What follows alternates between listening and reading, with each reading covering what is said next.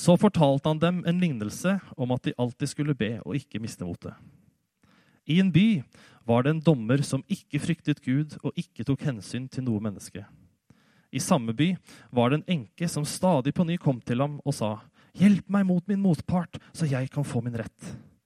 Lenge ville han ikke, men til slutt sa han til seg selv, 'Enda jeg ikke frykter Gud og ikke tar hensyn til noe menneske,' får jeg hjelpe denne enken til hennes rett, siden hun plager meg slik. Ellers ender det vel med at hun flyr like i syne på meg. Og Herren sa, Hør hva denne uhederlige dommeren sier. Skulle ikke da Gud hjelpe sine utvalgte til deres rett, de som roper til ham dag og natt? Er han sen til å hjelpe dem? Jeg sier dere, han skal sørge for at de får sin rett, og det snart. Men når menneskesønnen kommer, vil han da finne troen på jorden? Hei, og hjertelig velkommen til gudstjeneste her i Misjonskirka Stavanger. Velkommen til dere som er her, og velkommen til dere som hører på podkast. Jeg heter Helene Mersland Gundersen, og jeg er gift med han eh, Alexander, han som leder gudstjenesten i dag. Og eh, vi har gjort et slags eh, rollebytte, kan vi kanskje si. For det er han som er pastor og ansatt i menigheten. Det er han som pleier å stå her og tale. Og så pleier jeg av og til å lede gudstjenestene, men i dag er det motsatt. Og det dere kanskje ikke vet, er det at eh, for nesten sju år siden, når jeg og Alexander begynte på Ansgar bibelskole, så var det sånn at han skulle bli ingeniør, og jeg skulle bli pastor. Og så er det mye som kan skje i løpet av sju år. Og nå er det han som er pastor og jobber her, og jeg trives veldig godt i min jobb som lærer. Så får jeg likevel lov til å stå her i dag. Eh, og det syns jeg er veldig gøy og veldig, veldig skummelt. Eh, jeg har aldri studert teologi. Og jeg har aldri hatt prekenlære som fag. Så når jeg eh, leste liksom teksten for i dag, så tenkte jeg ja, dette kan jeg jo ikke si noen ting om. Eh, men så har jeg fått lov til å få hjelp av Linda. Hun har hjulpet meg liksom å komme i gang. og litt sånn, sånn her kan du liksom tenke, sånn kan du tenke for å komme i gang. Og litt sånn. Og så har jeg lest eh, bibelleksikon og jeg har lest bibelkommentarer. og til og med prøvd å lese gresk. Eh, så jeg kan trøste dere med det at hvis ingen av dere sitter igjen med noe som helst etter i dag, så har i hvert fall jeg lært masse sjøl. Eh, og det er sånn at Dette året så følger vi kirkeårets tekster her i menigheten. Eh, og Vi holder på med tida mellom påske og pinse. og Den perioden har vi liksom samla som en serie som har kalt for Kirken min. Og Det handler både om hvordan Jesus kaller oss for sin kirke, og hva det betyr for oss. Eh, og Popkorn har vært her i dag og sunget om Gud som hører når vi ber. Og Det er akkurat det vi skal snakke om i dag. Alexander har allerede lest eh, teksten, eh, som er henta fra Lukas kapittel 18, vers 1-8. Eh, den handler om en enke som eh, får, ber om hjelp fra en dommer til å få sin rett i sin sak. Eh, og denne dommeren ønsker virkelig ikke å hjelpe enka. Men hun maser og maser og maser så mye på han at han til slutt gir seg og hjelper henne likevel. Og Teksten er en lignelse som Jesus fortalte. Og Hvis vi leser i evangeliene i Det nye testamentet, så ser vi at Jesus ofte lærte disiplene og store folkemengder gjennom å bruke lignelse. Og En lignelse er en, vel, en, historie som hadde veldig velkjente og hverdagslige scener, så det var lett å kjenne seg igjen i. Eh, og Det var sjelden at Jesus kom med noen tolkning eller forklaring, fordi det, det sa seg ofte så veldig sjøl. I denne lignelsen så møter vi hovedsakelig to personer. Vi møter en dommer, og vi møter en enke. Og Dommerne på denne tida de var ofte korrupte. Eh, hvis ikke du hadde penger eller innflytelse, sånn at du kunne bestikke dommeren, så hadde du egentlig ikke noe håp om at saken skulle bli avgjort. Eh, og du hadde ikke noe håp om å få en rettferdig dom. Eh, og denne dommeren han ønsker heller ikke å gi det. Og Når han da til slutt allikevel hjelper enka, så er det ikke fordi at han plutselig har ombestemt seg og liksom tenkt at han syns synd på denne dama, eller at han skal være rettferdig, men det er kun av egoistiske grunner. For Hvis vi leser i vers 4-5, så står det, det at lenge ville han ikke, men til slutt sa han til seg selv.: Enda jeg ikke frykter Gud og ikke tar hensyn til noe menneske, får jeg hjelpe denne enken til hennes rett, siden hun plager meg slik. Ellers ender det vel med at hun flyr like i synet på meg. Med andre ord så valgte dommeren å hjelpe enka for at hun skulle slutte å plage han, og for at hun ikke skulle slå han ned. Eh, enka i denne lignelsen kan stå som representant for alle som var både fattige og forsvarsløse i dette samfunnet. Hun hadde ikke penger, og hun hadde ikke innflytelse, og hun visste at hun ikke hadde en sjanse hos denne dommeren. Men istedenfor å gi opp så bruker hun det eneste våpenet som hun har, nemlig utholdenheten. Og hun gir seg ikke. Egentlig kan vi si at denne lignelsen er litt som kampen mellom David og Goliat. Fordi det var ingen som tenkte at David hadde noen sjanse. Det var ingen som tenkte at han kom til å vinne. Og Sånn var det med enka òg, men allikevel så vinner begge to til slutt. Og Hvis jeg skal tenke på hvem av disse to, dommeren og enka, som jeg kjenner meg mest igjen i, så må jeg si at det er enka. Eh, men jeg opplever ikke at jeg er fattig og jeg opplever ikke at jeg er forsvarsløs. Men jeg kan ganske mye om det der med å mase helt til jeg får viljen min. Eh, og Jeg har bare vært gift i tre år, og jeg skal ikke komme med noen ekteskapsråd. eller noen ting sånn. Men akkurat på det denne masepunktet så har jeg egentlig ganske mange historier jeg kunne delt med dere. Men istedenfor å gjøre det, så skal jeg bare si hva Alexander har begynt å sagt når jeg liksom er kommet godt i gang med denne masinga, enten om at han må skifte dekk på bilen, eller at jeg har lyst til å ha en ny sofa, eller at jeg har lyst til at vi skal være et par dager ekstra på ferie hos min familie eh, For da sier Alexander, slapp av, Helene. Det kommer til å bli akkurat sånn som du har tenkt. Du må bare vente litt, for jeg kan ikke gi meg med en gang. Og der denne enka kanskje er et bilde på oss mennesker, så er dommeren i lignelsen ikke et bilde på Gud, men en kontrast til Gud. Fordi at hvis vi gjennom utholdenhet kan oppnå det som vi vil, hos noen som ikke ønsker oss godt, hvor mye mer ønsker ikke Gud å gi oss det som vi ber om? I Matteus kapittel 7, vers 11 så leser vi at når selv dere som er onde, vet å gi barna deres gode gaver, hvor mye mer skal ikke da deres far i himmelen gi gode gaver til dem som ber han? Dommeren her hjalp enka ut ifra egoistiske motiv. Men Gud han ønsker å hjelpe oss fordi at han er en kjærlig far som elsker oss, og som ønsker det beste for oss. Og Det er sjelden at Jesus kommer med forklaringer til de lignelsene som han forteller. Eh, de brukes som bilder som vi som leser i Bibelen, må tolke sjøl. Men i dag så har både Jesus og Lukas gjort det ganske greit for meg. Fordi at I det første verset av dagens tekst så står det Så fortalte han dem en lignelse om at de alltid skulle be og ikke miste motet. Så jeg slipper liksom å komme med denne tolkninga. Men når jeg da skal snakke om hva denne lignelsen kan bety for oss, både som enkeltmenneske, men også som menighet, så er det med dette som utgangspunkt.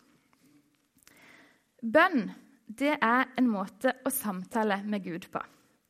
Og samtalen er en viktig del av relasjonen til Han. Men fordi at vi alle sammen har ulike relasjoner til Gud, så har vi òg ulike erfaringer når det kommer til det med bønn. Noen tror kanskje ikke på bønn, mens andre ikke kan tenke seg en hverdag uten. Noen syns kanskje det er vanskelig å be og sette ord på det de virkelig ønsker, og det de virkelig eh, tenker på. Eh, og be med frimodighet. Mens andre ber om alt som faller de inn. Alltid. Noen liker best å be alene, mens andre trenger et fellesskap å be i. Og òg når det kommer til bønnesvar, så har vi ulike erfaringer. Det kan hende at det er noen her inne som har bedt og bedt og bedt om det samme lenger enn jeg har levd, og fremdeles venter på svar.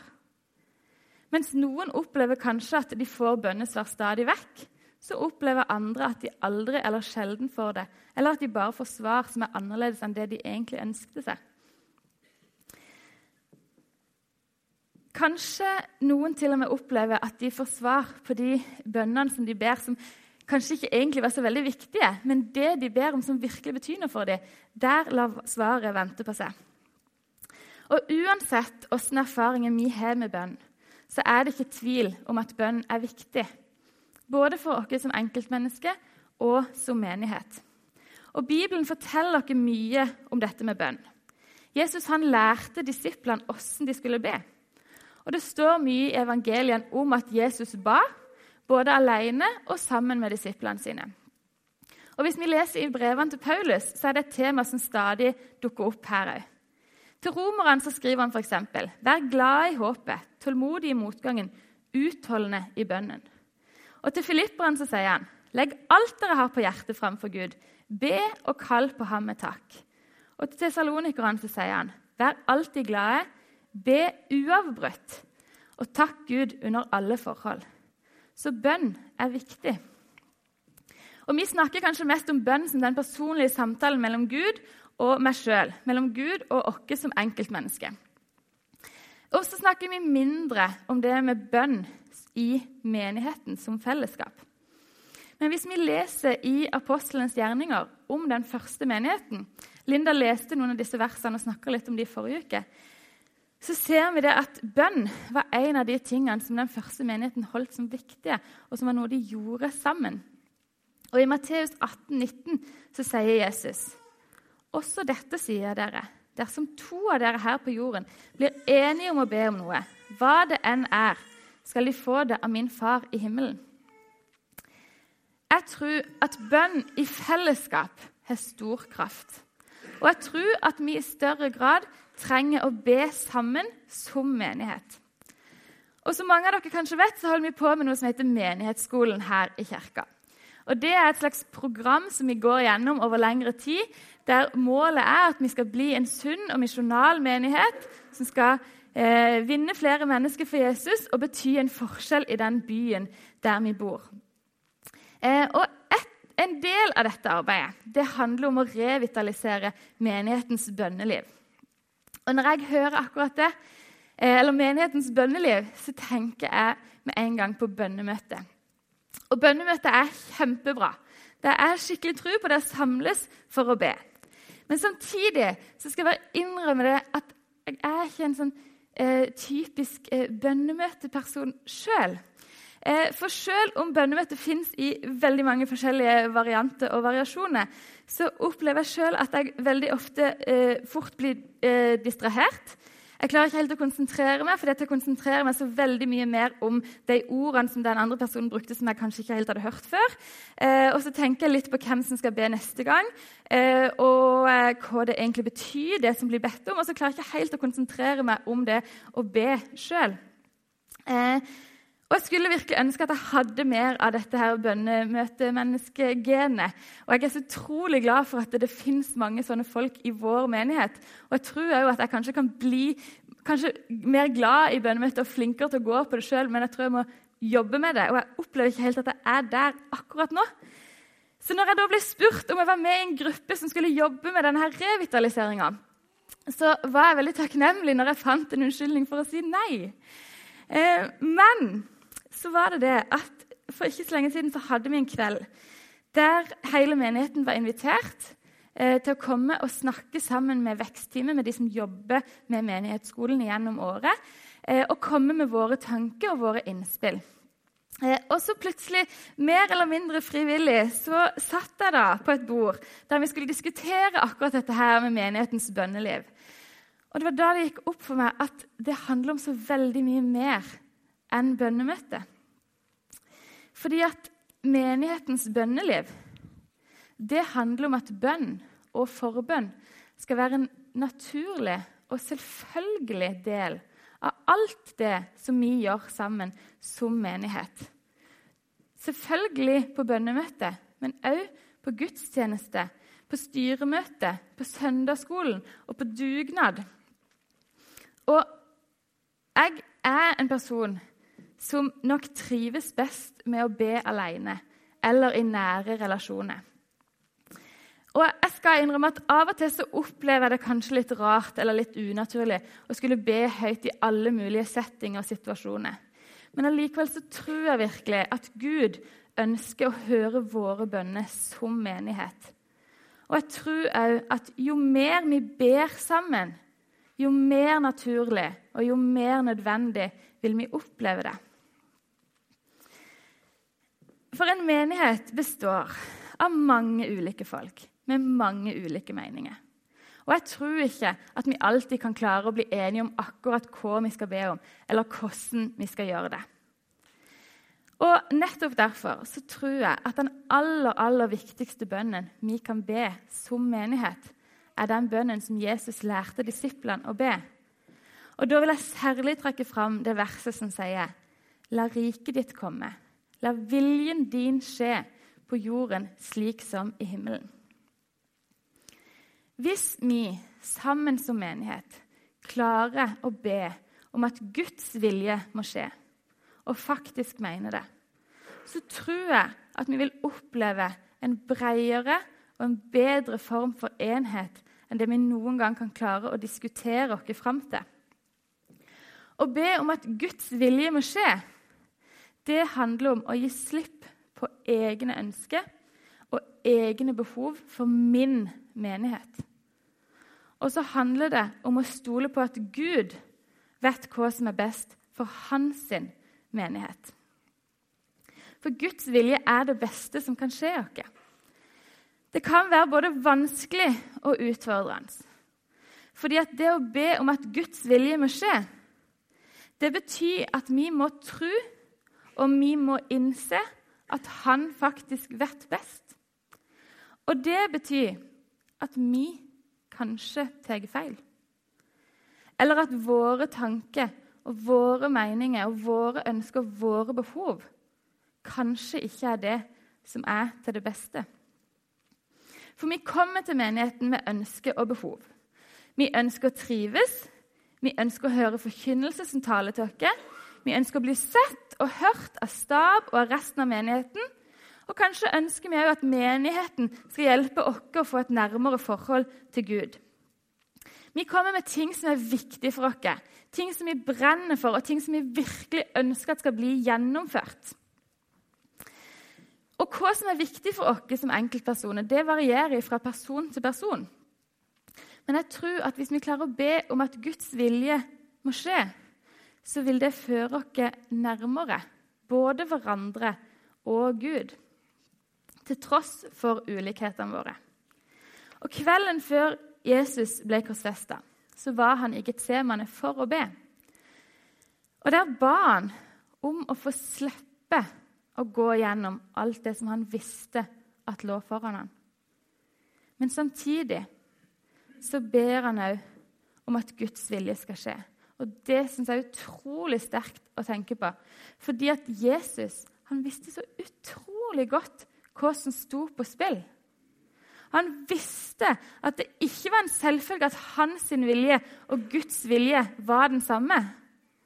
Og allikevel så ber han om at det er Guds vilje som skal skje. Og når vi snakker om bønn i menigheten, så ønsker jeg at vi skal klare å ha Jesus som forbilde. At vi skal klare å be om at det er Guds vilje som skal skje, selv om det betyr at vi kanskje ikke får det sånn som vi vil, eller at ting blir annerledes enn sånn som vi skulle ønske. Jeg tror òg at vi som enkeltmennesker skal øve oss på å be om at Guds vilje må skje. Og Dette er kanskje enda vanskeligere når vi ber om det som ligger oss sjøl på hjertet. Fordi det oppleves kanskje enda mer nært og mer personlig enn når vi ber som menighet. Og som sagt så har vi alle ulike erfaringer med bønn. Og Det er veldig vanskelig å stå her og si noe om å be og om utholdende bønn, om å be uten å miste motet, uten å si noe om det å be uten å oppleve å få svar. Fordi at mange av oss har bedt og bedt og bedt og bedt og bedt og virkelig opplevd og vært utholdende i bønn og har likevel ikke fått noe svar. Og da er det ganske vanskelig å holde motet oppe. For hvorfor er det sånn at ikke alle som er syke, blir friske når vi ber for dem? Og hvorfor er det sånn at uh, de som vi er så glad i, og som vi ber for hver eneste dag, ikke begynner å tro på Jesus? Og hvorfor er det sånn at i Norge i dag så er det mange, mange mennesker som er ensomme, selv om de ber om å få slippe å være det? For Bibelen sier at den som ber, skal få. Og til og med i dagens tekst så sier Jesus skulle ikke da Gud hjelpe sine utvalgte til deres rett, de som roper til ham dag og natt? Og Jeg skulle virkelig ønske at jeg hadde et godt svar på disse spørsmålene, men det har jeg ikke. Og så skal jeg prøve å si noe om det allikevel. Og jeg vet at det er et sårt og vondt og vanskelig tema for mange. Og jeg, jeg ønsker virkelig å si det som jeg skal si, med kjærlighet og ydmykhet. Men noen ganger Noen ganger så kan det faktisk hende at vi ikke får det svaret som vi ønsker oss, fordi at det ikke er Guds vilje for oss. Jesus han ba virkelig om å slippe å dø på korset. Samtidig som han ba om at Guds vilje måtte skje. Og jeg i hvert fall, og jeg tenker at vi bør i hvert fall være veldig veldig takknemlige for at det var Guds vilje som skjedde i den situasjonen. Mens andre ganger så er det helt umulig for oss å vite hvorfor svaret drøyer, hvorfor vi ikke får svar, eller hvorfor vi får et helt annet svar enn det vi ønsker, og det som vi virkelig òg tror at er nødt til å være Guds vilje. I vers 8 i dagens tekst så sier Jesus.: Jeg sier dere, han skal sørge for at de får sin rett, og det er snart. Og når vi leser snart, eller i hvert fall når jeg leser snart, så tenker jeg liksom snart etter min egen tidsregning. Fordi at snart, det er ikke lenge til. Det er ikke, det er ikke riktig ennå, men det er sånn, du kan nesten se det. Det er liksom rett rundt hjørnet. Det er liksom Ja, det, det nærmer seg virkelig, da. sant? Eh, men hvis vi går til grunnteksten, så er det greske ordet som er brukt for snart i dette verset, entashei. Og det er en betegnelse på noe som skjer plutselig, men til ubestemt tid. Så snart er kanskje ikke snart, men det er til ubestemt tid. Og det betyr at vi vet ikke når det svaret vil komme, men vi vet at når det kommer, så kommer det. Og jeg tenker jo at Det betyr at selv om Gud drøyer med å svare, så vil han gjøre det. Og Som mennesker så ser vi tida bare som korte stykker. Vi ser på en måte vår egen tidslinje. Jeg vet hva som har skjedd med meg i fortida. Jeg vet hva som skjedde i går, jeg vet hva som skjer i dag. Eh, eller ikke, jeg vet ikke hva som skal skje resten av dagen, men jeg vet hva som har skjedd fram til nå i dag. Eh, og jeg selv om jeg ikke vet hva som skal skje resten av dagen, eller i morgen, så har jeg liksom en slags plan for det likevel. Eh, men Gud han ser tida som en helhet. Og Han kjenner ikke bare min tidslinje, men han kjenner alle sin tidslinje. Og Han kjenner allerede slutten, og han kjenner begynnelsen. Han kjenner hele tida. Og Derfor så er vi nødt til å bare stole på at når Gud sier at han vil svare snart, så vil han gjøre det, men det vil være snart etter hans tidsregning og timing. Jeg tror at bønn og tro er to ting som er avhengige av hverandre. Fordi at hvis du ber om hjelp fra en gud, så må du nødt til å tro at det fins en gud som ønsker å hjelpe.